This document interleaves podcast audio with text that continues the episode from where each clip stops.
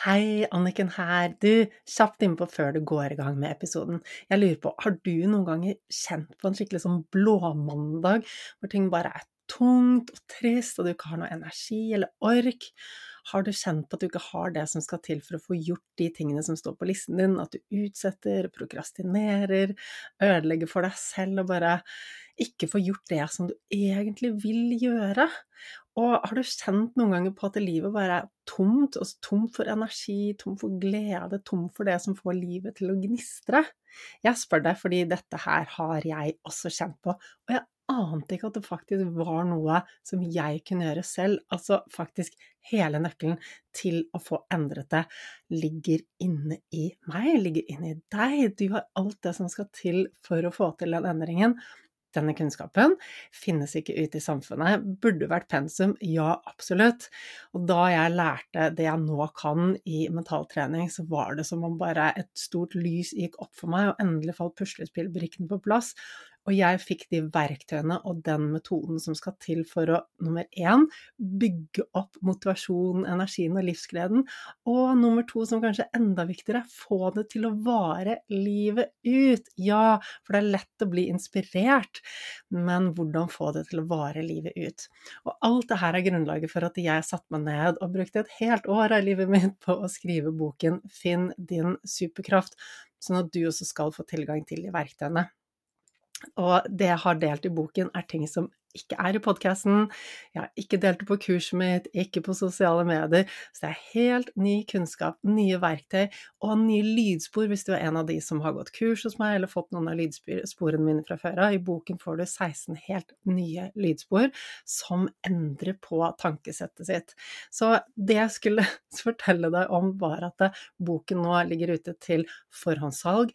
Frem til 1. mai så kan du bestille den på forhåndssalg, og da får du den sendt rett hjem til postkassen din med en gang den er på lager. Og det som er ekstra, ekstra fint med at du bestiller dem på forhåndssalget, og det lærte jeg først nå, siden jeg selvpubliserer og kunne jo ingenting om hva, altså hvordan publiserer man en bok, men nå har jeg skjønt at det, å få solgt mange bøker på forhåndssalget gjør at man lettere kommer inn på boklisten, og den er visst veldig magisk, for når man er der, så er det en stor hjelp. Det gjør at boken får spredd seg til enda flere, enda flere får hørt om det.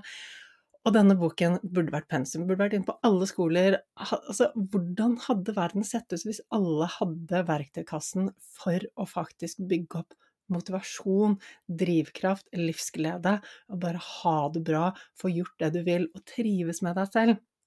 Slippe å være passasjer til følelsene dine når følelsene svinger og du bare er tom og skjønner ikke hvorfor. Altså, denne, det er en brukermanual for hjernen som vi alle, alle burde hatt.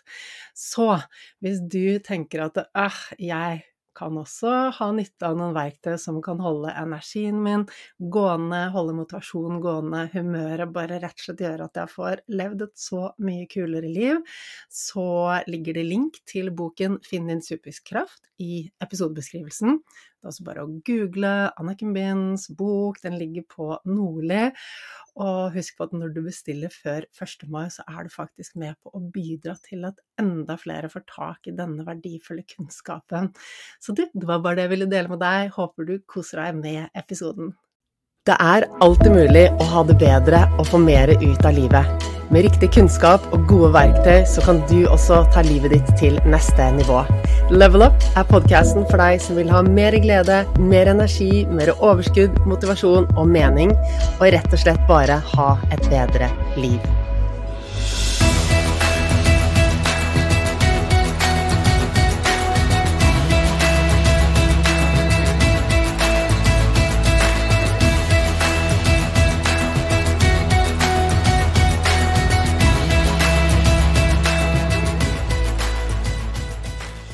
Enten du vet at du ikke skal ha barn, eller du har barn, eller planlegger å få barn, så er denne episoden viktig for deg.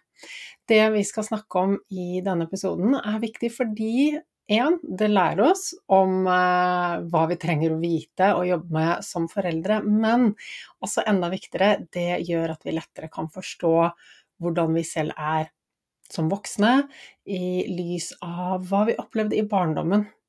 Fordi alt det som skjer i barndommen, det påvirker oss. Det påvirker hvem vi er, og hvor godt vi har det med oss selv når vi blir voksne.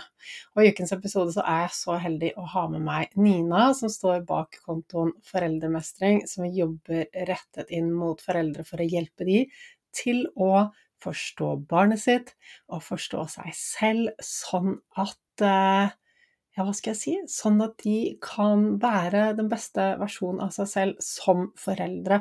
Sånn at de kan gi både seg selv og barna det barna trenger, og det de selv trenger.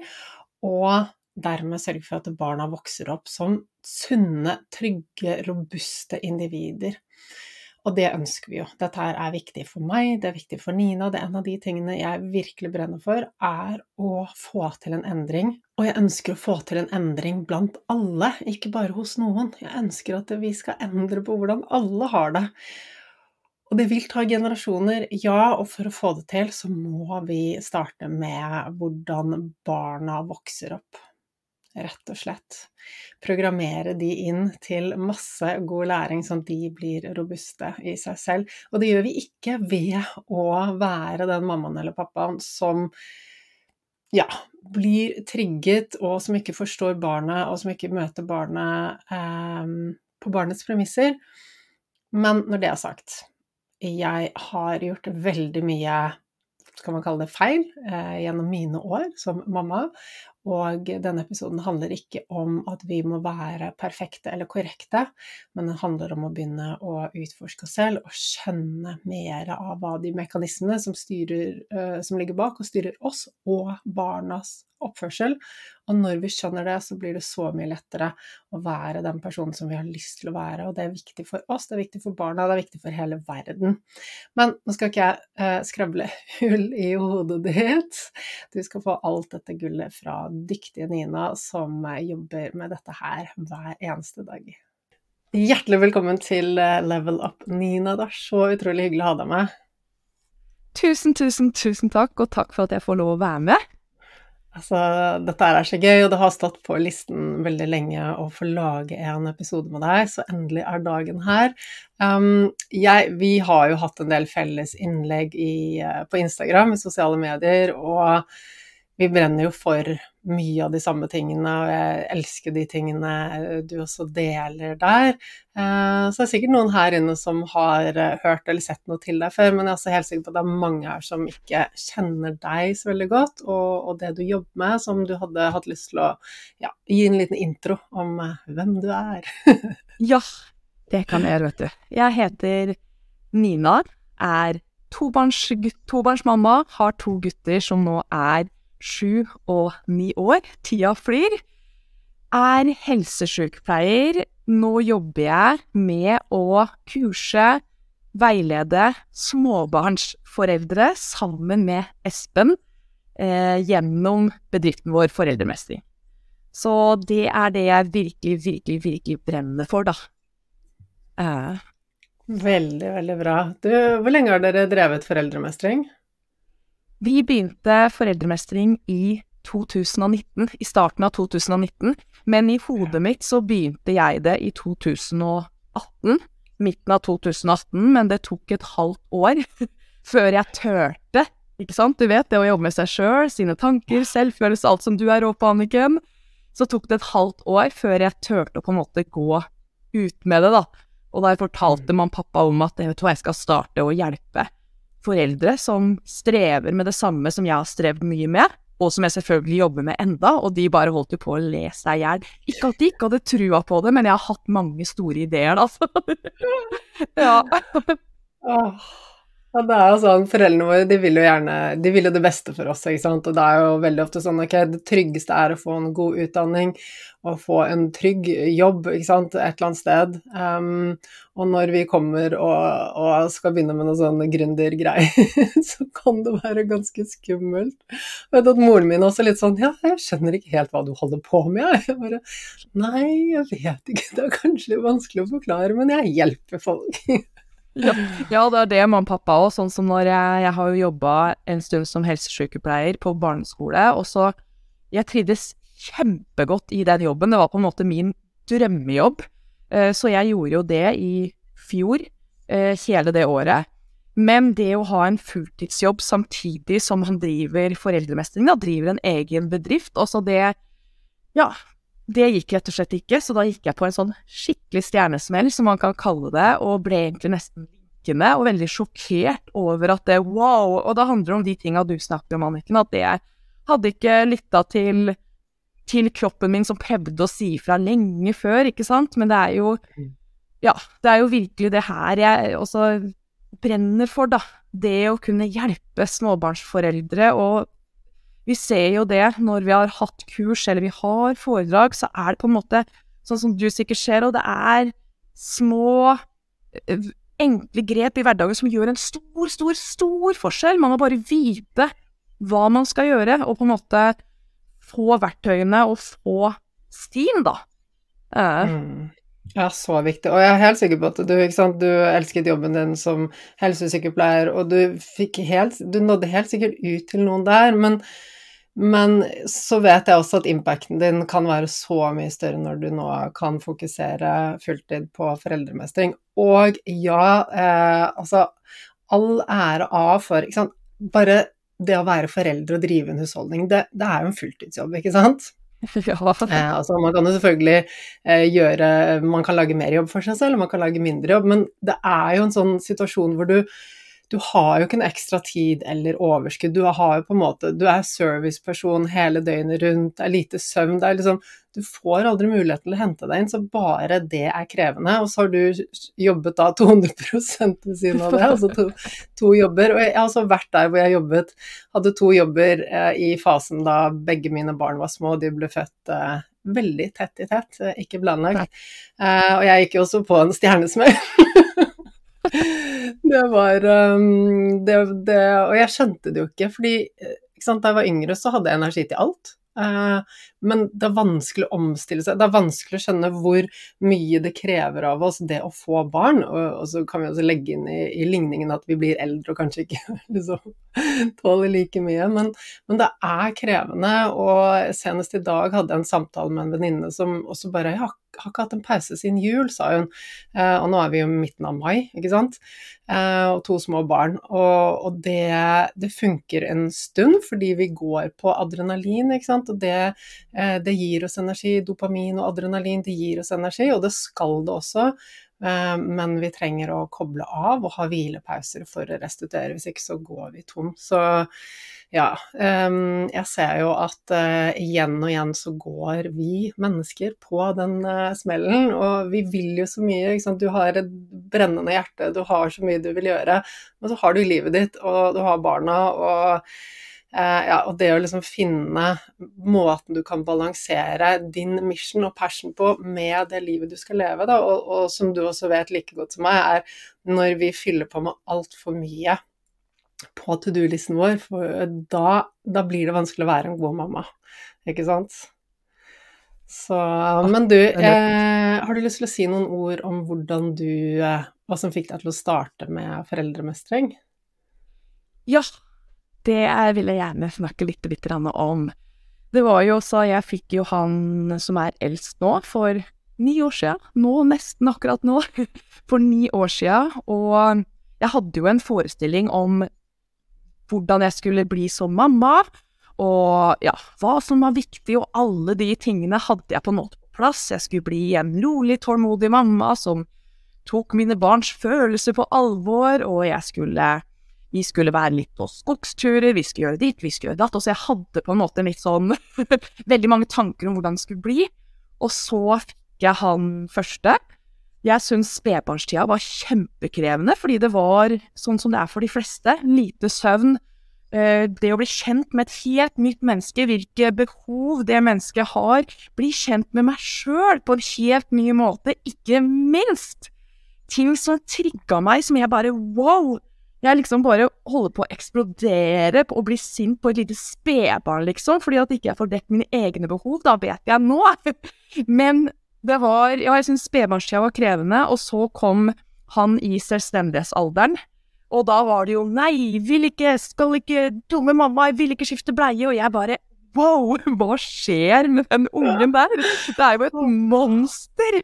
Og så begynte jeg da å sant, reagere ut fra mine triggere som gikk helt på autopilot. Og det, plutselig sto vi der og skreik til hverandre. Toåringer skreik, jeg skreik, og ja Satt igjen da med skikkelig dårlig samvittighet, følte meg som verdens verste mamma. Skjønte ikke hva jeg skulle gjøre for å få den ungen til å samarbeide enklere, høre på mine beskjeder og kanskje teste litt mer grenser. Og så, når vi da kom på barnehagen etter en morgen der det hadde vært en sånn veldig turbulent morgen, og han sa til de ansatte der at i dag har mamma vært skikkelig syk. Hun kasta smokken og kluten min i veggen, og det var absolutt sant. Så sto jeg der, og jeg hadde bare lyst til å grave meg ned i, i jorda, for jeg kjente på en så skam, så dårlig samvittighet, og det var liksom da på en måte vendepunktet kom, da.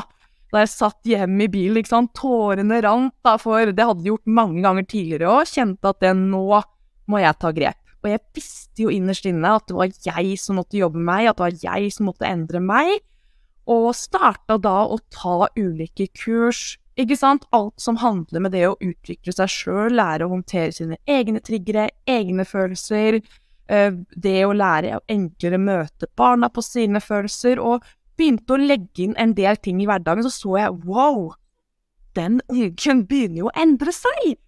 Og det her var jo mye lettere. og, så, og, så, begynte jeg liksom å gi tips og triks, da, det, det som jeg hadde lært sjøl og vært igjennom sjøl, til mine venninner. Og de bare Wow, det her funker jo! Og det var på en måte starten av foreldremestring, da. At det jeg kjente at det At det Oi. Det her, den reisen jeg har vært igjennom, jeg var jo igjennom den da, men det jeg jobba meg igjennom, da, det så jeg at det her er det jo enormt mange som trenger.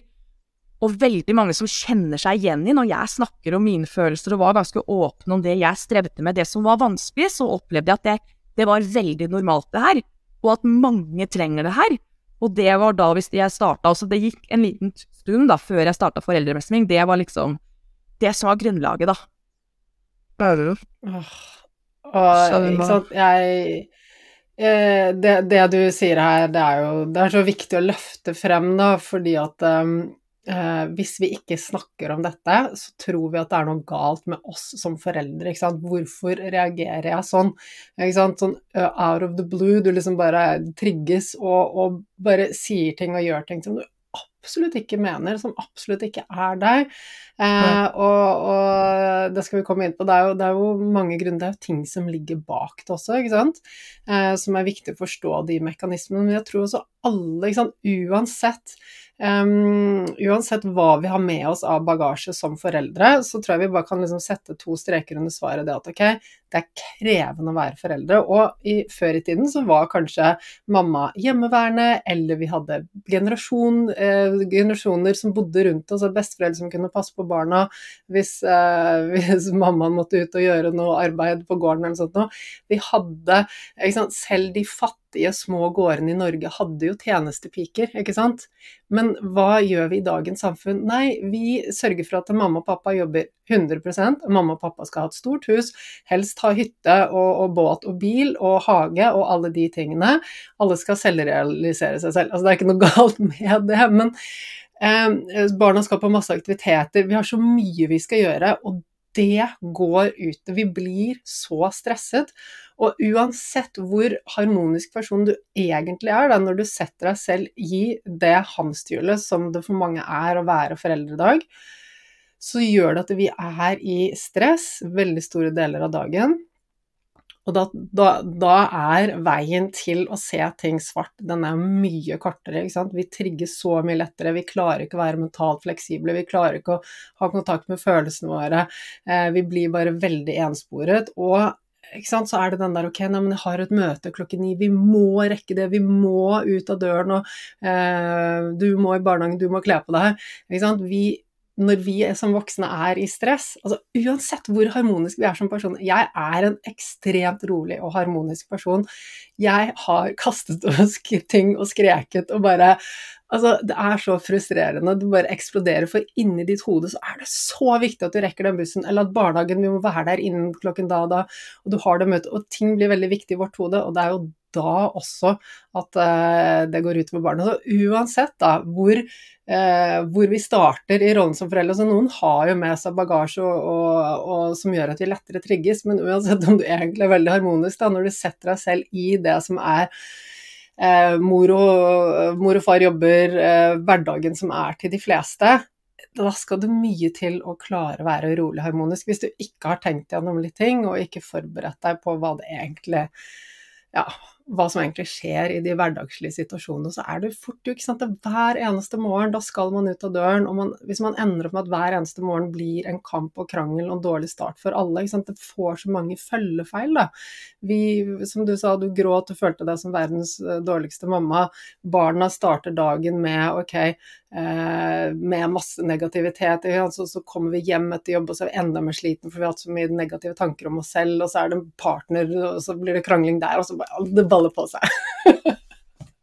ja, det gjør det. Ah, det baller så... på seg, og det er som du sier, Anniken, som jeg syns er kjempeviktig, det er at vi har ikke den landsbyen lenger, da. Den landsbyen som man hadde tidligere, der besteforeldre var mer inkludert, altså der man på en måte var flere rundt barna, den har vi ikke lenger. Så vi står mer på egne ben, og det er også Det å være foreldre er krevende, fordi det er krevende, og som du sier, at det handler jo også når man blir forelder, så opplever man jo at man, i hvert fall jeg gjorde det, og de, de jeg snakker med, sier jo det samme òg, at man, ja, vi skal oppdra barna våre, men det man ser, er jo faktisk at man må begynne å oppdra seg sjøl. Man må begynne å, altså, vi må begynne å lære no, veldig mange nye ferdigheter som vi ikke fikk med oss da vi var små. Det å lære å håndtere egne følelser på en god måte, ikke undertrykke de, og gjør det samme med barna mm. våre. ikke sant? Når barna får raserianfall, at vi ikke sier 'ro deg ned' eller 'gå på rommet', sånn at de sitter der og lærer seg å undertrykke følelsene, men faktisk er med dem gjennom de vanskelige følelsene. Men skal vi klare det, da, så må vi jo først lære å håndtere egne følelser. Og skal vi lære å håndtere egne følelser, så må vi òg få en bedre forståelse for barns normale utvikling og atferd, sånn at vi vet hva vi kan forvente av barna, og hva de prøver å kommunisere. Mm. Og det var det jeg så når jeg begynte den reisen med meg sjøl, at det er faktisk en steg-for-steg-prosess at det for å klare å håndtere, eller for å klare å lære å sette grenser, gode, tydelige, kjærlige grenser for barna, så er det mange ting vi trenger på plass før det, da. Og det var den reisa jeg måtte ta ta sjøl, da. Og det er og liksom sånn også Vi har med trigger fra vår egen barndom, men jeg tenker jo at det er jo ikke en hemmelighet at barn gjør mye som både irriterer og provoserer oss foreldre. ikke sant, når de skal lære nye ting. Men det handler jo, det handler jo om at de, de glemmer kanskje noen ganger hvor små de er, og hvor mye de egentlig skal lære, selv når de er sju år og ni år. Eller tolv år, liksom, så mm. er de fortsatt små, med en hjerne under drastisk utvikling, da. Så vi kan ikke ja, altså sammenligne barna med oss foreldre, eller voksne. Vi kan ikke det, og jeg gikk jo i den fellen. altså Jeg tror de fleste foreldre gjør det. Vi tenker liksom nei, men det bør du jo skjønne, det bør du klare, og det er vel ikke så farlig, og liksom ting som vi voksne bare kan svelge, det bør jo barn også kunne svelge. Men altså senest i går så, så var jeg ute, og datteren min er nå elleve, hun var hjemme med en venninne. Uh, og så fikk vi masse mat levert på døren, og så hadde jeg liksom sa til henne ok, kan du ta det inn, og så setter du det som skal i kjøleskapet og fryseren inn, så kan jeg ta resten. Og det er liksom sånn som kjøttdeig og yoghurt og de tingene der. Hun bare ja ja. Og så kom jeg hjem, så var kjøttdeigen i kjøleskapet. Uh, og en melk, men ellers så lå det eh, altså sånn masse frossenvarer, det lå bare og smeltet på gulvet, ikke sant. Eh, ost eh, og, og skinke, ting som Ja. Og det er liksom sånn, altså, Vi må bare huske at det, de, de, har ikke en ferdig utviklet hjerne. og de, Hun husket noen ting som skulle inn, men hun bare klarte ikke å tenke på resten av tingene. Så var hun sikkert i, full, i lek og flyt med venninnen sin, og da bare Ja. Så, så hun er elleve år, og fortsatt så er det litt sånn Eh, ja, vi, vi, må bare ha tålmodighet med at barn eh, fungerer på et litt annet nivå enn oss. Ja, og jeg tror det er kanskje den derre eh, som vi opplever, da, når vi enten er på foredrag eh, eller kurser foreldre eller barnehageansatte eller lærere, så er det kanskje én ting som går igjen hele tida, hos både oss som jobber med barn, eller oss som har barn, så er det forventningene vi har til barna, og da spesielt de som vi hjelper, da, de barn i selvstendighetsalderen. Men det er jo selvfølgelig, som du sier, oppover opp, når barna blir eldre.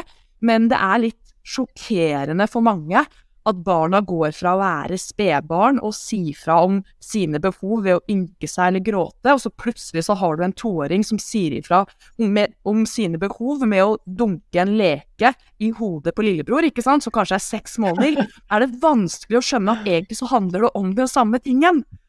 Så, men da, da, mm. da er det de som du snakker om her, med det å da vite, da, ok, han er i den og den alderen, han har ikke evnen til å håndtere impulser eller egne følelser. Ok, hvis man begynner å få en god forståelse for alle de tinga, så vil det gjøre ekstremt mye i familielivet, både med at den enklere kan holde seg rolig i de krevende situasjonene, men òg at man kan ha mer empati og forståelse for barna våre, som jeg tenker er kjempeviktig, da. Eh, så det endra alt hjemme hos oss, i hvert fall når vi begynte å få den forståelsen og den kunnskapen. Og jeg begynte å skjønne meg mer på meg sjøl, hvorfor jeg plutselig sto og skreik til tre, toåringen. Og jeg har jo snakka masse med pappa om det her og fått sånn der godkjenning for å, for å, si det videre, for han syns det er liksom kjempebra at vi kan lære bort det her. Men han nå var jo da jeg var sint og liten, så skrek jo han. Ikke sant? Og da var det jo ro deg ned eller gå på rommet. Så jeg lærte jo å undertrykke mine følelser, og jeg tror jo at de fleste, både når jeg snakker med foreldre på alderen til pappa, og når jeg snakker med barn da, som er på alderen vår, ikke sant, 30-40 år, så har de fleste opplevd det, for det var helt, helt normalt å gjøre det på den måten. Men mm. det som er gøy, er at det er aldri for sent, og pappa, da, han jobber jo med seg sjøl nå overfor sine barnebarn. Og har lært å håndtere sine følelser på en god måte, og speiler deres følelser. Jeg bare Wow! Men det er ganske gøy, da, at han har på en måte han, han, bare 'Jeg ser jo det, at det ikke hjelper å kjefte, Nina. Jeg veit jo egentlig det.' Og begynt, Så det er liksom mm. aldri for sent, da. Å begynne med den jobben. Så utrolig kult. Ja. Så gøy at han har det perspektivet på det. Og det er jo Altså, jeg jobber jo så mye mye én-til-én, og da er det jo ofte sår fra barndommen som, som ja. ligger der av årsaken til at vi har en eller annen utfordring i voksen alder. Og igjen og igjen og igjen så går det igjen da det at um, ja, følelser man ikke, skulle man ikke snakke om. Man skulle ikke vise følelser. Hvis man var lei seg, så skulle man bare slutte å gråte. Eh, eller som du sier, gå på rommet. Man skulle helst ikke være synlig. Ikke Hvis man lo og danset og, og bråkte og sånn, så var det feil. Det var betinga, betinga kjærlighet. Ja. Ikke sant? Så, og, og ja, så, sant? jeg vokste opp i en familie hvor man heller ikke snakket om ting. Eh, skulle ikke vise noen følelser. Og jeg fikk jo liksom til og med eh, Jeg fikk jo liksom nå i voksen alder vite at ja, neimen uh, oldemor Altså da jeg var ganske liten, da var det? Jo, oldemor hadde jo Hun hadde ligget inne på sykehuset med kreft da, en lengre periode. Um, men det var det ingen som snakket om, vi skulle ikke dele det. Ingen i familien som kunne dele det utad, f.eks. Det er liksom opprettholde en sånn fasade om at ting er fint, og kunne ikke snakke om det. Det var også andre utfordringer i familien, ble ikke snakket noe om det i det hele tatt. Det, liksom, det går jo arv, da, fra generasjon til generasjon. Og jeg har vokst opp med masse kjærlighet og altså, trygge foreldre som har vært der for meg, men likevel så har det vært en sånn ja, men følelser, det er litt sånn ho, da, da, får, da, blir vi litt stresset hvis vi må snakke om følelser. Og jeg tror det har veldig med de generasjonene som er før oss, at det har bare gått i arv. Man skal ikke vise følelser, man skal ikke snakke om det, man skal ha en perfekt fasade, late som om alt er greit. Barn skal, eh, skal bare bli sett, eh, ikke hørt, eh, og man skal ikke være for mye. Og og det gir jo masse, masse følgefeil når vi, når vi ender opp med, med å sant, oppleve dette gjennom barndommen, men som du sier, det er aldri for sent at eh, vi forandrer oss, eller at foreldrene våre forandrer oss, og jeg ser igjen og igjen at de jeg jobber med, selv om de kanskje har allerede egne barn som er blitt voksne, at de kan gå og sette seg ned med barna og bare, vet du hva, jeg beklager, men jeg var sånn og sånn da du var liten, og det skyldes dette og dette, og nå skjønner jeg det, og det og så virkelig bare skvære opp og, og, forklare at de elsker barna, og, og, og, lære de om hvordan man bygger selvfølelse og bygger seg opp fra innsiden. Da. Og det at det, som foreldre så har man ikke alltid tilfredsstilt barnets behov og gitt barnet det det trenger, fordi man aner ikke. Vi har ikke fått noen sånn manual. Hvordan gjør vi det som foreldre? Åh, men det er det som er så bra med den jobben du, eller dere gjør da, Nina, at dere rett og slett kan hjelpe oss med dette. Ja, jeg tenker jo det du sier der, er kanskje det som er den største aha-opplevelsen, eller en av de største aha-opplevelsene for veldig mange av de eh, foreldre som vi hjelper, da. Det at wow, jeg veit jo at jeg fikk mye kjeft for de tinga her som liten, og kjenner jo at det trigger meg enormt mye. Så begynner du å se den sammenhengen, og så Og så tenker jeg at det er viktig å, å huske på at alle gjør så godt de kan ut fra sine egne forutsetninger. Vi alle gjør det, og jeg begynte jo akkurat på lik måte som, også, som pappa gjorde overfor meg, ikke sant? Men sånn som du sier, jeg har også hatt en kjempetrygg og god barndom. Mamma og pappa har alltid stilt opp for meg, så jeg syns det er viktig å ha med at det handler ikke om at man har hatt en dårlig barndom, eller at man har hatt på en måte mm. slemme foreldre, eller et eller annet. Det er ikke det det handler om. Men det handler om at de hadde ikke den kunnskapen og forståelsen om den enorme viktigheten for å ta barns følelser på alvor. Nå vet vi at det er noe av det viktigste, viktigste vi kan gjøre for barnas selvfølelse, for den psykiske helsen, for at barna skal mestre og klare seg videre i livet, da. Nå vet vi det, så derfor har vi lyst til å gjøre en stor innsats på det området, da. Og det er jo det som er mitt og Espen sin mission, er jo at det alle i Norge skal liksom på en måte endre holdninger, barnesyn og tankesett som vi har med oss fra tidligere generasjoner. Gå fra den derre at barnet mitt er vanskelig, barnet mitt er slemt, til at det barnet mitt har det vanskelig, eller barnet mitt er bare barn. Og jeg må jobbe med å mm. endre meg. Det er liksom den derre som vi virkelig, virkelig brenner for, da.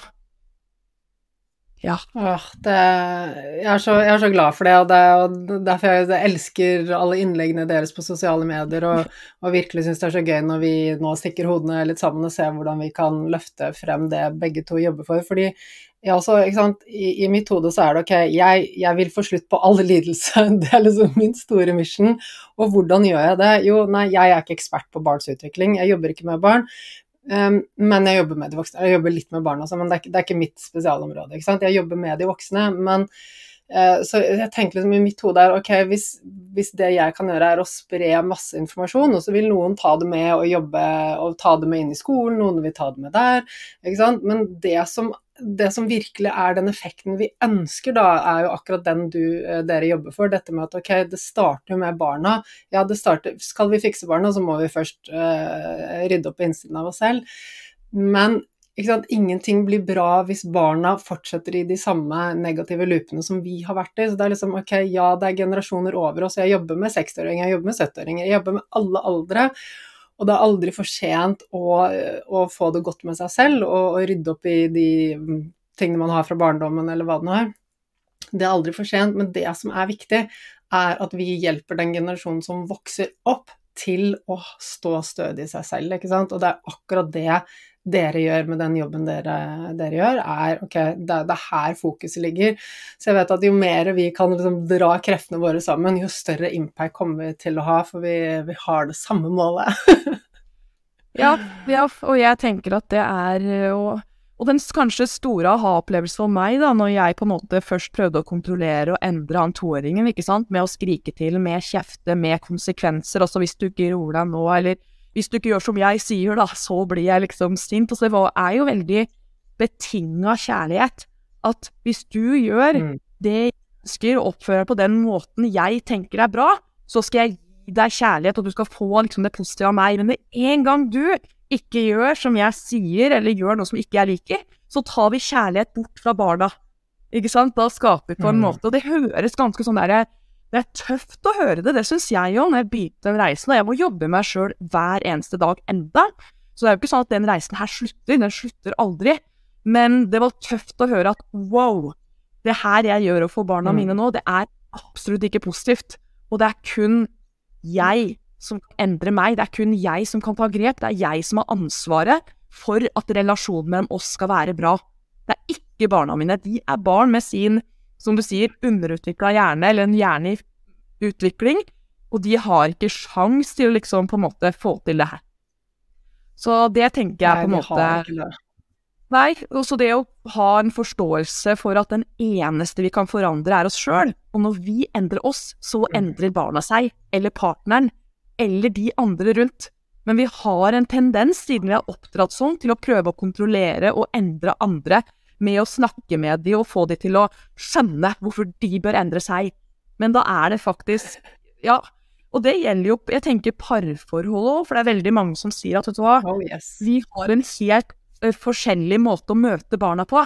Jeg kjenner at jeg har lyst til å liksom på en måte begynne å ta følelsene litt mer på alvor, se den her, men partneren min ser ikke poenget og tenker at vi må kjøre hardt mot hardt, litt sånn som vi er oppdratt med.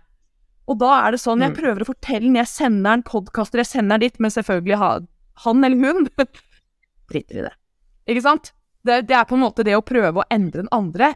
Så det vi gir tips om, er at ok, hvordan kan du nå inn til den andre? Og da handler det jo om det der litt som med barna, det å gi positiv oppmerksomhet når de faktisk gjør noe bra. Det å kommentere når de gjør noe Mm. bra, og hvordan vi kommuniserer budskapet eller det vi ønsker å endre, da. At det her er veldig viktig for meg å ta det ut fra oss sjøl, istedenfor vet du hva, du gjør sånn og sånn, det der er ikke bra at du gjør. Da er det på en måte no go, da. Så det er liksom Ja, jeg tenker at den reisen her uh, som vi tar med å endre oss sjøl, den er positiv i alle relasjoner, da. Og det merker jeg på våre kursdeltakere, at de sier wow, jeg har fått det bedre familieliv, jeg har fått det bedre med partneren min, jeg har fått det bedre med besteforeldre, fordi jeg kan snakke med de på et helt annet level, da. Så jeg tenker at det her er som du driver med, da, selvutvikling på høyt nivå. og det, du kan Mm. bruke det i relasjoner. Det er ikke bare å få barna våre, for det handler jo stort sett om å endre oss sjøl. Og det er derfor det er så jækla krevende! Fordi det er oss sjøl Det er det. er det som Det er så er det som du sier. Og det er jo som du sier, det er så lett å bare Å nei, partneren min er sånn, eller barna mine er sånn, eller sjefen er sånn. Ok, men, men hva, hva er min rolle i det? Oi, ja, da er det Det er det å gå i seg selv, da, og på en måte ta bort de skylappene som vi har, klare å være litt mentalt fleksible, se de lett litt ulike perspektiv. Og sant, det er så viktig det du sier når vi skal sant, Det handler ikke bare om barna, det handler om partner, alle, alle rundt oss. Det å, å komme med feedback for å få til endring. Med en gang vi er kritiske, litt sånn ok, og det er en sånn tips, Hvis du starter et spørsmål med 'hvorfor', så oppleves det som kritikk. ikke sant? Sånn. 'Hvorfor gjør du det?' Og, og da blir man med en gang sånn Ja, da blir du på offensiven med en gang.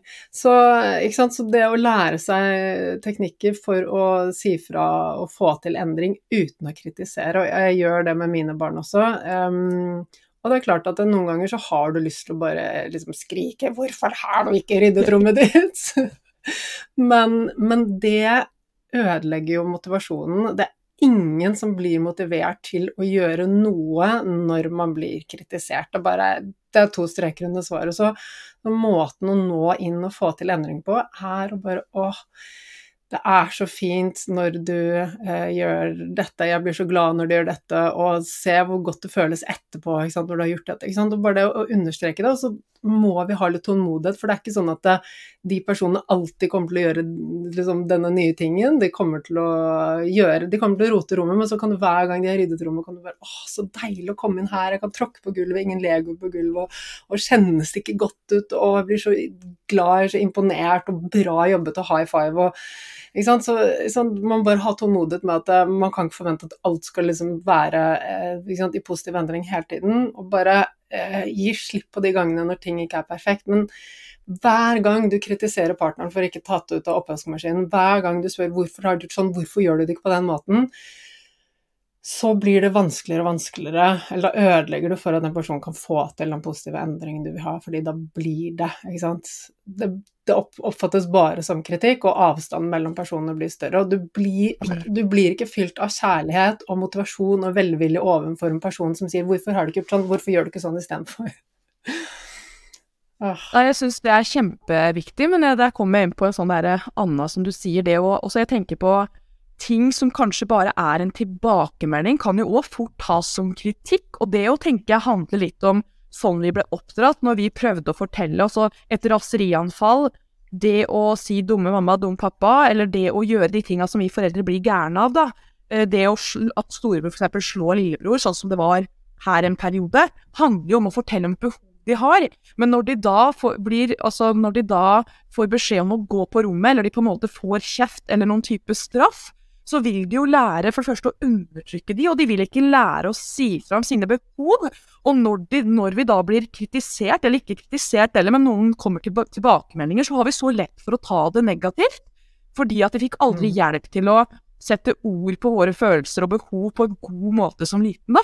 Og det er jo òg et, C er et stort problem, kanskje generelt i Altså mellom partnere òg. Det å fortelle, vet du hva, nå, nå kjenner jeg at det jeg, altså du jobber mye turnus, ikke sant. Jeg er hjemme med ungene nesten hele tida. Jeg kjører i barnehagen, jeg henter i barnehagen. Jeg lager middag, ikke sant. Vi snakker om det tredje skiftet. Eh, det der jeg passer på at ting blir gjort. Jeg passer på at de har med fotballutstyr. Jeg passer på at de har riktig størrelse på klær. Nå nå må vi skrive ned alt som vi skal, trengs å gjøre her, for nå holder det på å liksom bli gærne. Men at vi på en måte kan snakke med partneren og sette ord på det som er vanskelig, da. Uten at det er en sånn mm. kamp om Ja, men jeg gjør jo det. Og jeg gjør jo det, men det gjør jo jeg. Ikke sant? At det blir en sånn Og det tenker jeg at begynner allerede når barna er små, da. Eh, lære dem å sette ord på sine følelser og behov, fordi at da vil de få det enklere senere, både overfor mm. sjefen sin, overfor partneren sin hvis den får seg partner, og så overfor liksom alle relasjoner videre i livet, da. Uh, og ikke mm. minst være bevisst på hvordan man er sjøl, og det er kanskje noe som når vi holder kurs og har på en måte foreldre gir tilbakemeldinger om at bare oi, jeg snakker jo ikke akkurat så pent til partneren min, jeg heller. Jeg ber jo nesten aldri om unnskyldning, og jeg er ganske sånn Altså, vi, vi snakker ganske sånn frekt overfor hverandre overfor unga, og det tar jo ungene med. De snapper jo opp mm. absolutt alt. Så sånn vi foreldre, eller vi i relasjoner overfor, er, det tar jo barna med seg. Og jeg tenker på en ting som jeg øh, Som jeg begynte med da, da ungene mine gikk i barnehagen. Det var å gi veldig mye positiv feedback til de som jobba i barnehagen. For jeg har jo jobba i barnehagen mange år sjøl, og jobba med barn, og vi er Altså, nå kan det hende at jeg tråkker noen på tåa, ikke, men generelt så føler jeg at vi er dårlige til å gi positiv feedback til hverandre. I Norge. Da jeg er i mm. andre land, mm. England for eksempel, så blir jeg nesten redd. Fordi du får jo positiv feedback av en fremmed på butikken. og da er det sånn hva skjer? Så det å på en måte gi positiv feedback foran barna våre, til de som jobber i butikken der man sier takk, eller ha en fortsatt fin dag. De sitter, ikke sant? De, alle de små tinga vi kan gjøre foran barna våre. Og når vi er i mm. barnehagen og henter, og ta et eller annet positivt så jeg tenker det har en kjempestor innvirkning som vi kanskje glemmer i vår hektiske hverdag. Vi skal prøve å forme barna våre, men vi glemmer at vi former barna våre gjennom oss. Det er det til sjuende og sist som spiller alt rolle. Så der har jeg måttet jobbe mye med meg sjøl. Det hvordan jeg kommuniserer med samboeren min, det å kan gi mer positiv feedback til mange rundt meg foran barna mine, ikke sant. Og alt det ser jeg jo at mm. barna mine nå gjør overfor sine venner sier liksom 'Å, så koselig vi har hatt det i dag', eller de tar med seg det, da. Så det er jo, ja Tenker jeg er kjempeviktig. Og så viktig.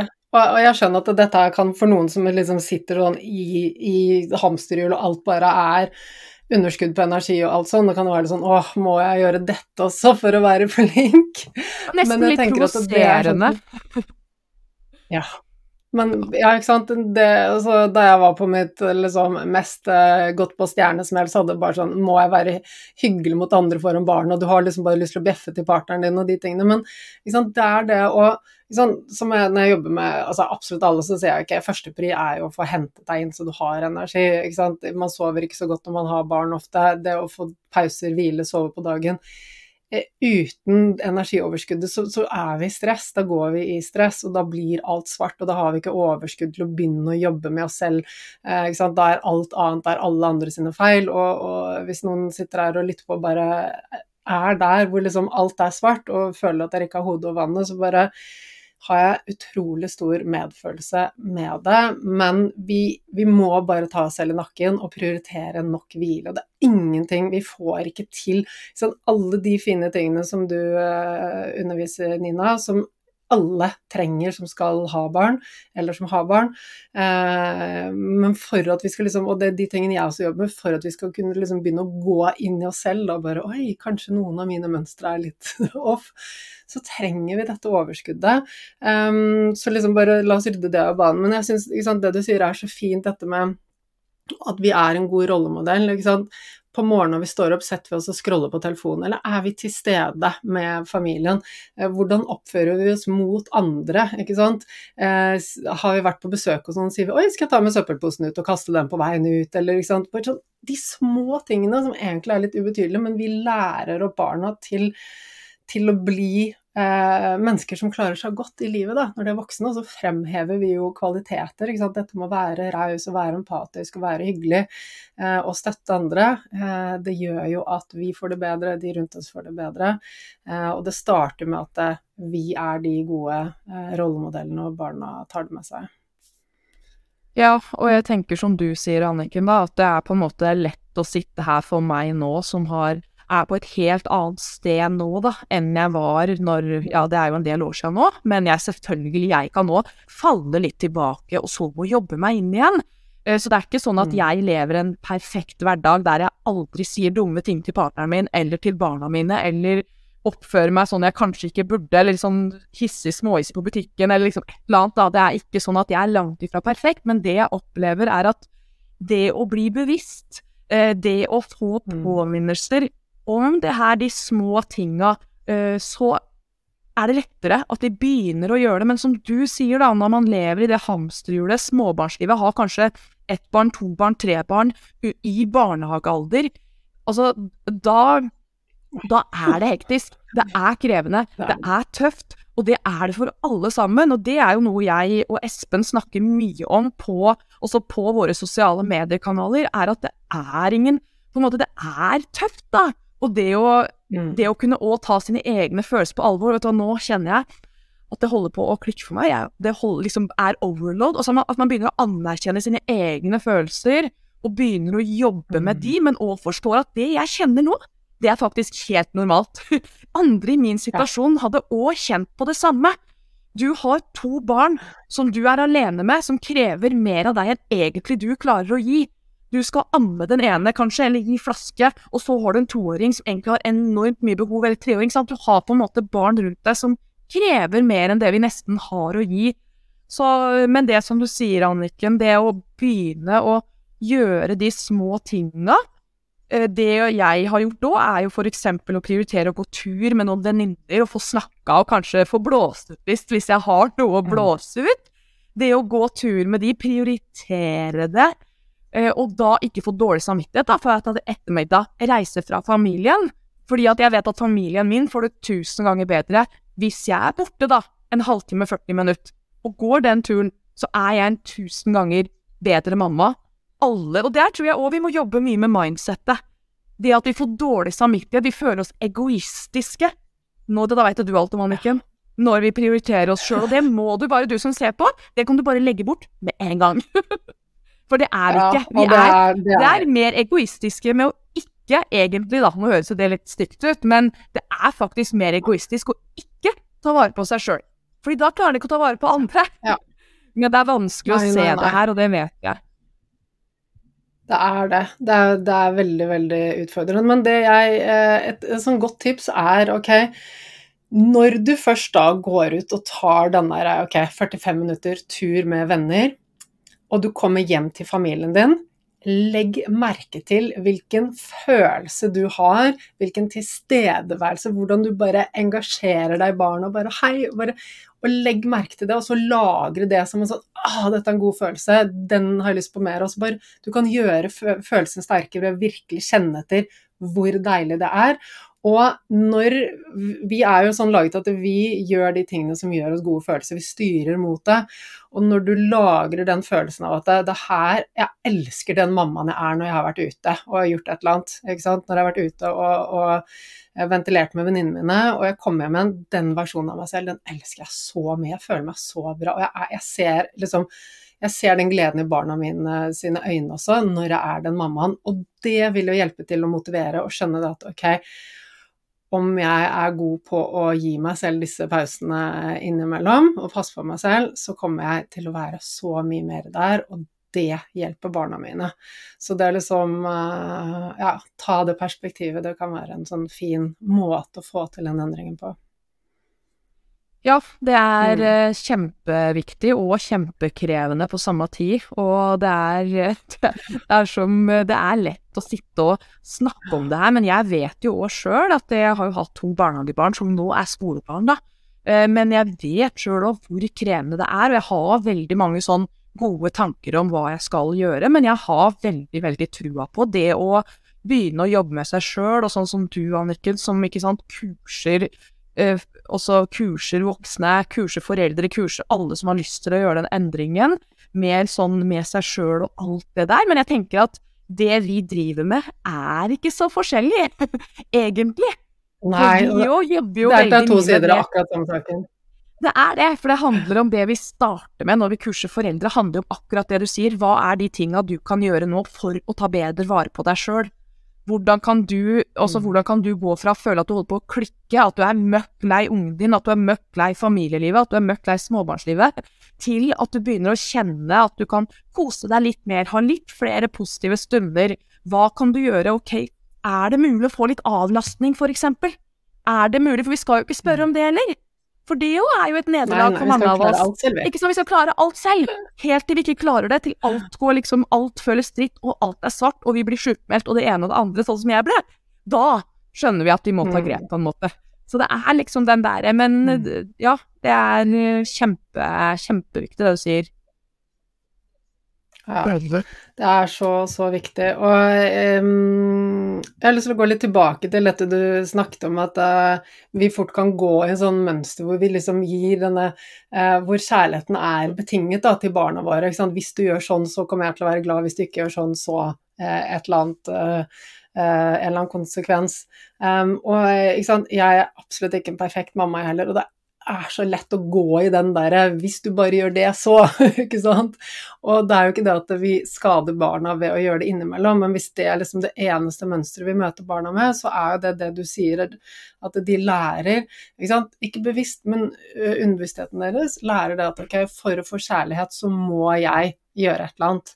Um, og da går det utover selvfølelsen, og da begynner vi å få mange følgefeil i voksen alder. Og det er jo sånn dette her skjønte ikke jeg da jeg fikk barn selv, og dette har jeg skjønt fordi jeg har bare fordypet meg i ok, hva er årsaken til de fleste utfordringer voksne har? Jo, det er lav selvfølelse. Hva er det som, videre, er det som gjør at vi får lav selvfølelse?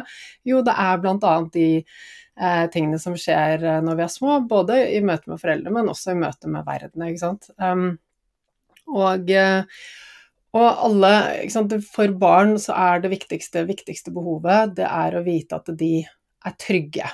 Og hvordan vet et barn at det er trygg? Jo, at omsorgspersoner, altså foreldre, de er der, de er tilstedeværende, de viser kjærlighet. Hvis et barn opplever Og dette er ubevisste prosesser, det er ikke sånn at barn sitter og tenker disse tingene, men i underbevisstheten så hvis et barn ikke får ubetinget kjærlighet, hvis de ikke liksom opplever at foreldrene er der og gir dem kjærlighet uansett, så vil hjernen tolke det som en stor trussel. fordi at eh, okay, hvis de ikke får kjærlighet, så betyr det at de kanskje ikke er verdifulle. Da betyr det at de kanskje står i fare for å miste tilhørigheten til fellesskapet. Og fellesskapet, når barna er små, er jo på en måte foreldrene. Vi mennesker vi trenger å vite at vi er del av fellesskapet. Det er en programmering som ligger i alle mennesker fordi at hvis vi ikke er det, så vil vi være i livsfare. Og jeg har snakket masse om det på podkastene, men jeg kan også bare si at det, det handler jo om, um, om, hvordan livet var for et par millioner år siden, når vi levde som jegere og sankere og var avhengig av flokken vår. Så absolutt alle mennesker har en sånn programmering som går på at jeg må ha tilhørighet, og hvis noe minner om at jeg kan miste tilhørighet, så er det trussel. Da tror gjerne at vi er i livsfare. Så um, Vi snakker jo ofte mye om traumer, og jeg vet at dere har lest mye av uh, Gabor Matheas, en fantastisk mann, anbefaler alle bøkene og filmene hans til alle. Eh, men vi tenker ofte at liksom, okay, traume kan være når det skjer noen liksom store og vonde ting mot oss, men traume kan også være det at vi ikke får den kjærligheten og tryggheten som vi trenger som små. Eh, og så er det sånn, ja, jeg har også kjeftet på barna mine, jeg har også sagt stygge ting, og det er ikke sånn at når du kjeft på barna en gang eller ti ganger, så er alt ødelagt. Det er jo liksom det er summen av de opplevelsene barna har.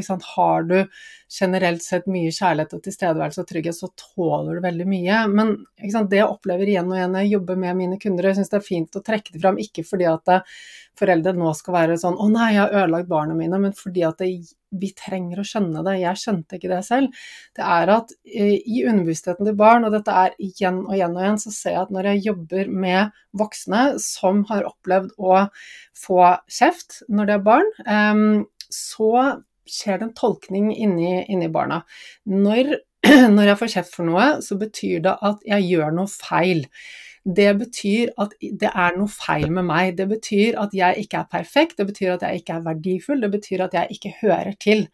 Eh, og det her er ikke noe barnet tenker bevisst, men det skjer ubevisst i barnet. Og når jeg jobber én til én, så bruker vi hypnose, og da henter vi frem gamle historier fra barndommen. Og da er det Dette sier folk igjen og igjen.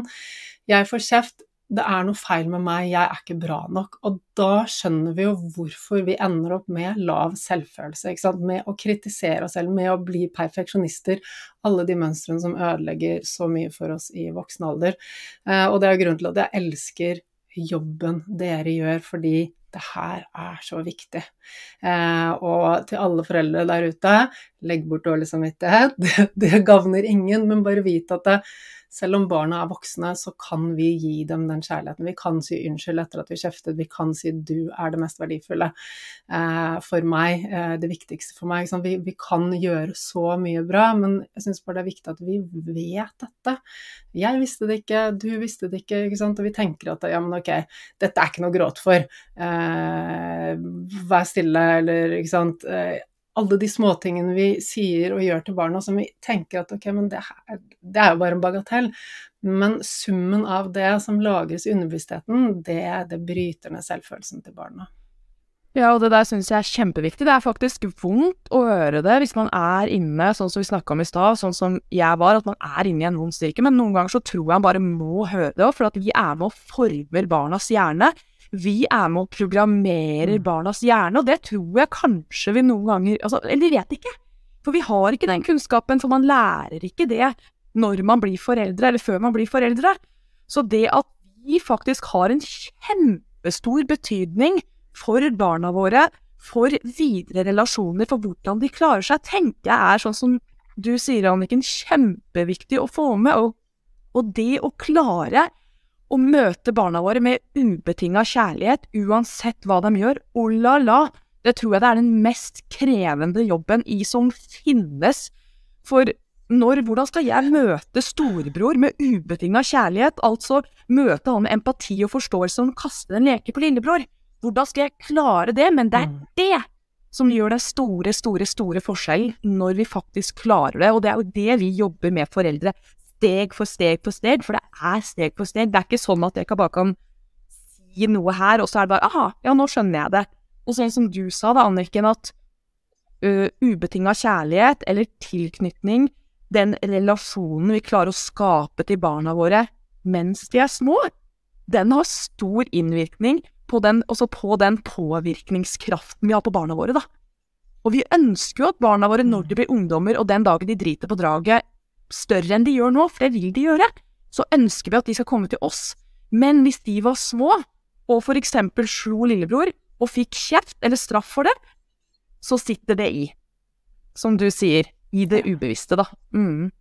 Og da er det på en måte mindre sannsynlig at de faktisk kommer til oss med våre utfordringer. Så det å klare å tenke litt langsiktig, det å klare å forstå at barna de er ikke slemme, eller de er ikke vanskelige. Sånn som her, så var det jo storebror sin måte å si at mamma og pappa, jeg trenger dere mer, jeg trenger mer tilstedeværelse, dere er mer slitne, dere kjefter mer på meg. Lillebror, som da var seks måneder, ligger i mamma sin arm og duller og diller hele tida, og jeg får beskjed om hysj, hysj, pass mm. deg, og liksom, det var helt forferdelig for meg.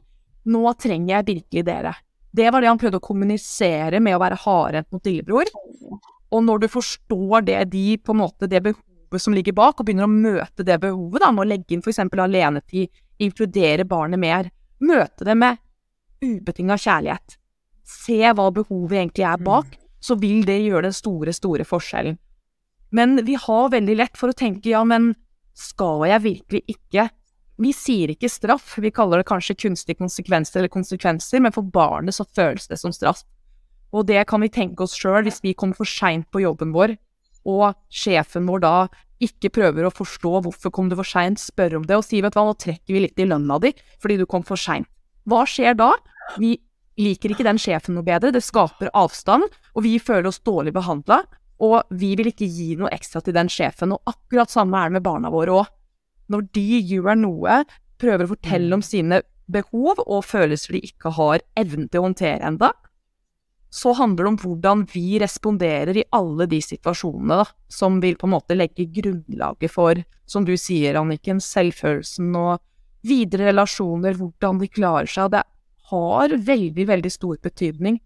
Og der har jo de som jobber i barnehage òg, ikke sant, en kjempestor betydning, og da er det jo veldig trist at ikke de litt lenger oppstår det her, for å være helt ærlig.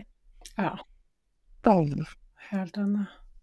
Ja, åh, det fikk jo helt gåsehud og vondt inni meg, ikke sant. Det, det, eh, det eksempelet med storebror da, som eh, kastet biller i hodet på, på lillebror, det er jo ikke sant, et tipper at veldig mange foreldre opplevde det, og reaksjonen er hvis vi ikke kan noe om dette, da, Nina, fordi vi får ikke noe brukermanual, vi vet ikke dette. Jeg vet det nå, jeg visste ikke da barna var små, men jeg lærte det etter hvert, fordi jeg har dyp, dypdykket inn i dette, og bare plutselig så så jeg alt i et nytt lys, var bare ok, det de trenger er kjærlighet og forståelse og bli sett, og alt bunner i det, ikke sant.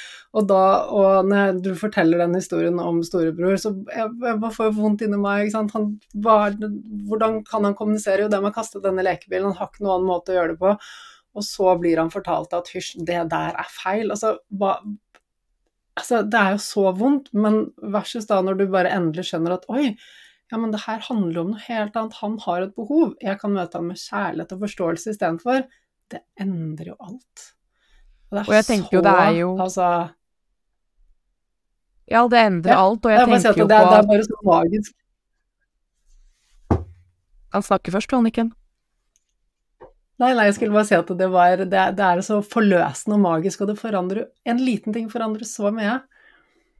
Ja, og så tenker jeg at det altså, er det en sånn skummel misforståelse, vil jeg si, da. At det å møte barna med kjærlighet det å møte barna med empati, så tror man at man kaster grenser ut av vinduet, da. Så for eksempel ta den episoden med storebror som er hardhendt mot lillebror. Selvfølgelig så må vi gripe inn fort som bare det for å stoppe atferden der og da. Det er den grensa man setter. Men allikevel så vil det ikke hjelpe å kjefte eller bli sint eller sende lillebror på rommet. Alle de tinga vi påfører barnet etterpå, føler, fører egentlig kun til to ting, og det er at barnet føler skyld, og det føler skam, og det føler at det er noe feil med meg, som du har snakka med, Anniken. Og da tar de med mm. de såra videre i livet, som kun egentlig vil skape negative ting videre. Så det er den som du mm. sier òg, når jeg begynte å dykke, dykke, dypere i det med tilknytning, det med barn og utviklingspsykologi og sånn, så på en måte var det akkurat som det gikk en sky som på en måte ble borte, og bare wow. Men jeg kjenner jo allikevel at når barna mine på en måte eh, Sånn som i går, når lillebror da, hadde vært med fire timer og sett på storebror på fotball, han begynte å bli ganske lei den siste timen. Og da begynte han ikke sant, med ting å gjøre, ta, ta opp sånne der, som er på fotballbanen, sånne der smulegreier, ikke smule, men sånne ting som er på fotballbanen, og begynte liksom å kaste de på meg, ikke sant. Det er jo hans måte å si at vet du hva, nå er jeg drittlei av å sitte her og se på fotball, jeg er ikke noe interessert i fotball, jeg ble med egentlig bare fordi jeg måtte. og da jeg skjønner det, at han er sliten, han er lei, og heller da Vet du hva, Henry, kom, skal vi løpe dit, eller begynne å gjøre noe gøy med han, da? Så vil det på en måte endre alt. Da slutta han med en gang. Mm. Og det var mye lettere mm. å få han til å legge seg om kvelden, fordi at det han følte han ble møtt på ting i løpet av dagen. Så det er liksom den store Når vi klarer å ta atferd som vi holder på å bli gærne av, som en invitasjon til å skape nærhet, så endrer det alt, mener jeg. Ser jeg òg, og opplever her hjemme og gjennom våre kursdeltakere, da. Ja, så utrolig magisk, altså. Og, og, som du sier, det handler om å møte, det handler om å se. Kjærlighet og grenser. Det er jo ikke noe motsigelse mellom det å gi kjærlighet og det å sette grenser. Vi vet at barn trenger grenser for å utvikle god selvfølelse. Da vet man jo at foreldrene bryr seg når de setter grenser. Og det jeg dessverre ser hos veldig mange foreldre, er at de um, har lyst til å være bestevenn med barna. Og når barna uh, vil et eller annet og gråter fordi alle andre har det, så setter ikke, er ikke foreldre så lenger så gode på å sette grenser og si nei. Jeg har allerede sagt nei. Hos, hos oss så får du ikke la oss si TikTok, for det er den aldersgrensen, selv om alle de andre har det, eller om alle de andre spiller Fortnite, du er syv år gammel, det er for liten, så ser jeg at det er veldig mange foreldre de gir etter fordi barna gråter, er lei seg eh, og maser, og da gir de etter fordi det tror jeg at det handler om lav selvfølelse hos de voksne. Vi har behov for å please og bli likt. Vi tåler ikke at noen misliker oss. Men foreldre sin rolle er å være foreldre, ikke bestevenner. Eh, og det å sette grenser har vi først sagt nei, du, du kan ikke være lenger enn det klokkeslettet, eller nei, du får ikke spille Fortnite. Hvis vi går tilbake på det, i ettertid så skaper vi usikre barn. Så vi kan gi masse kjærlighet, men fortsatt ha klare og trygge grenser for barna. Det trenger de. ikke sant? Det er ikke noe sånn du, Når storebror kaster den bilen, så må vi jo lære at den atferden, den er ikke grei, men man kan gjøre det på en god måte, en kjærlighetsfull måte, ved å forstå jeg skjønner hvorfor du gjorde det.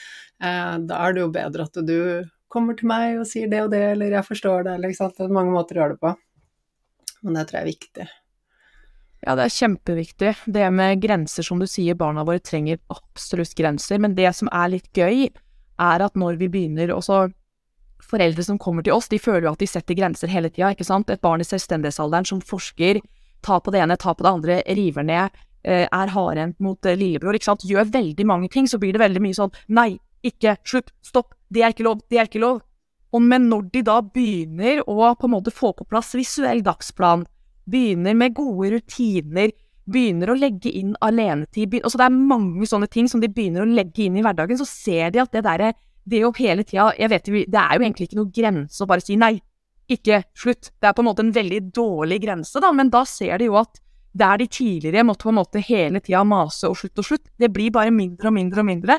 Så de må på en måte Hverdagen mm. glir mye lettere. Og som du sier, det å gå inn til storebror og si at det, og så fortelle at det er ikke greit å kaste noe i huet på noen andre. Eller sånn. Selvfølgelig kan vi si det, men vi må også forstå at det å fortelle lille storebror det mange ganger, vil fortsatt ikke gjøre at han ikke gjør det. Hvis vi ikke møter det behovet som han trengte hos oss for å, for å bli mer anerkjent, for å føle seg like betydningsfull som lillebror, så møter vi ikke det behovet barnet prøver å kommunisere gjennom atferden. Så hjelper det ikke hvor mange ganger man sier nei, ikke, ikke sant, hvor tydelig man er. Og det er det som på en måte er den derre store, store forskjellen, at vi må klare å se forbi atferden og begynne å lese den og forstå hva de prøver å kommunisere gjennom atferden, da. Hva er det som egentlig ligger bak? Uh, og det er kanskje den mm. store, store jobben som vi gjør når vi hjelper foreldre, da. Deilig. Så viktig. Uh, og eh, jeg sitter og tenker du skal jo inn og holde eh, sending for medlemskapet mitt om et par uker, det gleder jeg meg veldig til, forresten. Det gjør jeg òg. Her er det stort behov for de tingene som du underviser. Men så tenker jeg liksom, for å, for å oppsummere episoden, så sitter jeg liksom igjen med en sånn tanke ok, eh, vi Kan vi oppsummere? Da, nå er det mye vi snakket om, at vi, vi trenger å, å, gå inn og forstå barnet, barnets behov, hva som ligger bak atferden. Og også oss selv. Gå inn i oss selv. Hva er det som ligger bak vår egen atferd? Hvilke behov har egentlig vi? Um, og når vi gjør det, og når vi begynner å få den kunnskapen som du har om hvilke faser barna går gjennom, hvilke behov de har, når vi ser at vi alle har behov for kjærlighet og, å bli sett, spesielt barna, de er helt hjelpeløse uten oss. Og får de ikke kjærlighet, så, så, er det en trussel. Da blir livet, verden, utrygt for barna. Når vi liksom kan begynne å se de tingene, og så tenker jeg også dette med å være raus. Jeg er raus overfor barna, det er en grunn til at de står og sparker og slår og kaster. Være raus overfor oss selv, det er en grunn til at vi klikker også, ikke sant? at vi blir trygget. Ja. Uh, være raus med tanke på at det med å være foreldre er krevende, uh, og gi oss selv tillatelse til å ta pauser og passe på oss selv. Hvis ikke så, så går det ikke rundt i lengden. Um, tja, er det noe mer vi skal oppsummere? Jeg tenker er liksom sånne store, fine linjer. Ja, jeg syns det var kjempefint, det å forstå seg bedre på barna sine, seg sjøl, det å forstå hva som ligger bak oppførselen til barna, men også seg sjøl, som du sier, og det å være gode forbilder, da. At det vi gjør i hverdagen har veldig, veldig mye å si for barna. Hvordan vi snakker med andre, hvordan vi kommuniserer, hvordan vi løser problemer i parforhold, for det vil jo oppstå problemer. Og hvordan vi snakker til de ansatte når vi henter barna våre, selv om jeg er kjempestressa og tenker at nå skal middagen lages, det skal gjøres dikt, det skal gjøres datt. Så alle de små tinga der, det er jo noe vi gjør hver eneste dag. Spiller jo inn på barna våre, da. Kjempeviktig. Kjempeviktig. Hvilke, hvilke, siste lille råd og tips kan du gi til barna? Hva er liksom den fasen du tenker er mest krevende for foreldrene? Altså, det, altså den fasen som er mest krevende, jeg tror det er bedre kanskje å innstille seg på at livet med barn, utfordringene kommer på løpende bånd. Eh, så det handler egentlig ikke ja. om at vi ikke vil dukke opp utfordringer hele tida, det handler mer om hvordan vi står i de utfordringene, og hvordan vi takler det, og hva vi altså, føler, på en måte, da, hva vi kjenner. Jeg tenker det har mer å si, for nå har jeg jo en på sju og ni år, mm. og det er jo ikke det er jo fortsatt masse utfordringer, det er fortsatt problemløsning mellom vi, ikke sant, søskenkrangling, det er på en måte mye følelser. Det er fortsatt uh, Men jeg håndterer det da, istedenfor sånn som tidligere, da jeg ble sint og kjefta, eller at jeg kommer med konsekvenser hele tida og møter dem på den, så klarer jeg å møte dem på en helt annen måte, som føles godt for både meg og barna, da. Så jeg tenker kanskje det er den store endringen. Det er liksom Altså, det vil være kaos, det vil være krevende, men hvordan vi klarer å håndtere oss sjøl i alle de krevende situasjonene, er det som gjør livet vårt egentlig litt bedre, tror jeg, da. Ja, det som er nøkkelen. vet du, Det er helt enig. og jeg synes liksom Med barn så er det sånn hver gang du føler at det er over én kneik og liksom har knukket koden til noe, så er det en ny fase og en ny fase. Og de utfordringene med barna tror jeg kommer til å være der liksom opp i tenårene og når de flytter hjemmefra. Det kommer alltid til å være en eller annen form for utfordring, selv om de blir mer selvstendige og, og klarer seg selv. Så så ja, hvis vi belager oss på at eh, livet byr på utfordringer, og det handler om hvordan vi har det med oss selv og hvordan vi takler det, og det å forstå oss selv og forstå barna hva som ligger bak eh, atferden deres, så tror jeg vi kommer veldig langt.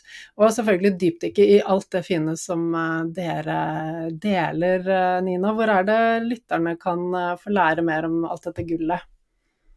Nei, de kan jo gå inn på Instagram og Facebook-sida vår Foreldremestring, da. Søke foreldremestring, så finner man jo det vi har. Overalt så heter vi foreldremestring. Og informasjon om kursene deres og sånn, når, eh, når kjøres de? Det ligger ute på foreldremestring.no. Uh, og vi kjører Nå skal vi kjøre kurs igjen før sommeren, men vi skal ha gratisforedrag før det, da så man får mulighet til å påmelde seg på snart. vi har ikke lagt ut noe om det enda, men vi skal ha gratisforedrag, og det syns jeg er veldig fint. At man kan være med på gratisforedrag, eller være på sidene våre, ta litt her og der, og så ønsker man å gå dypere, ønsker man å på en måte starte den jobben som jeg har måttet starte, så kan man liksom gå den veien videre, da, hvis man ønsker det. Det tenker jeg er kjempefint.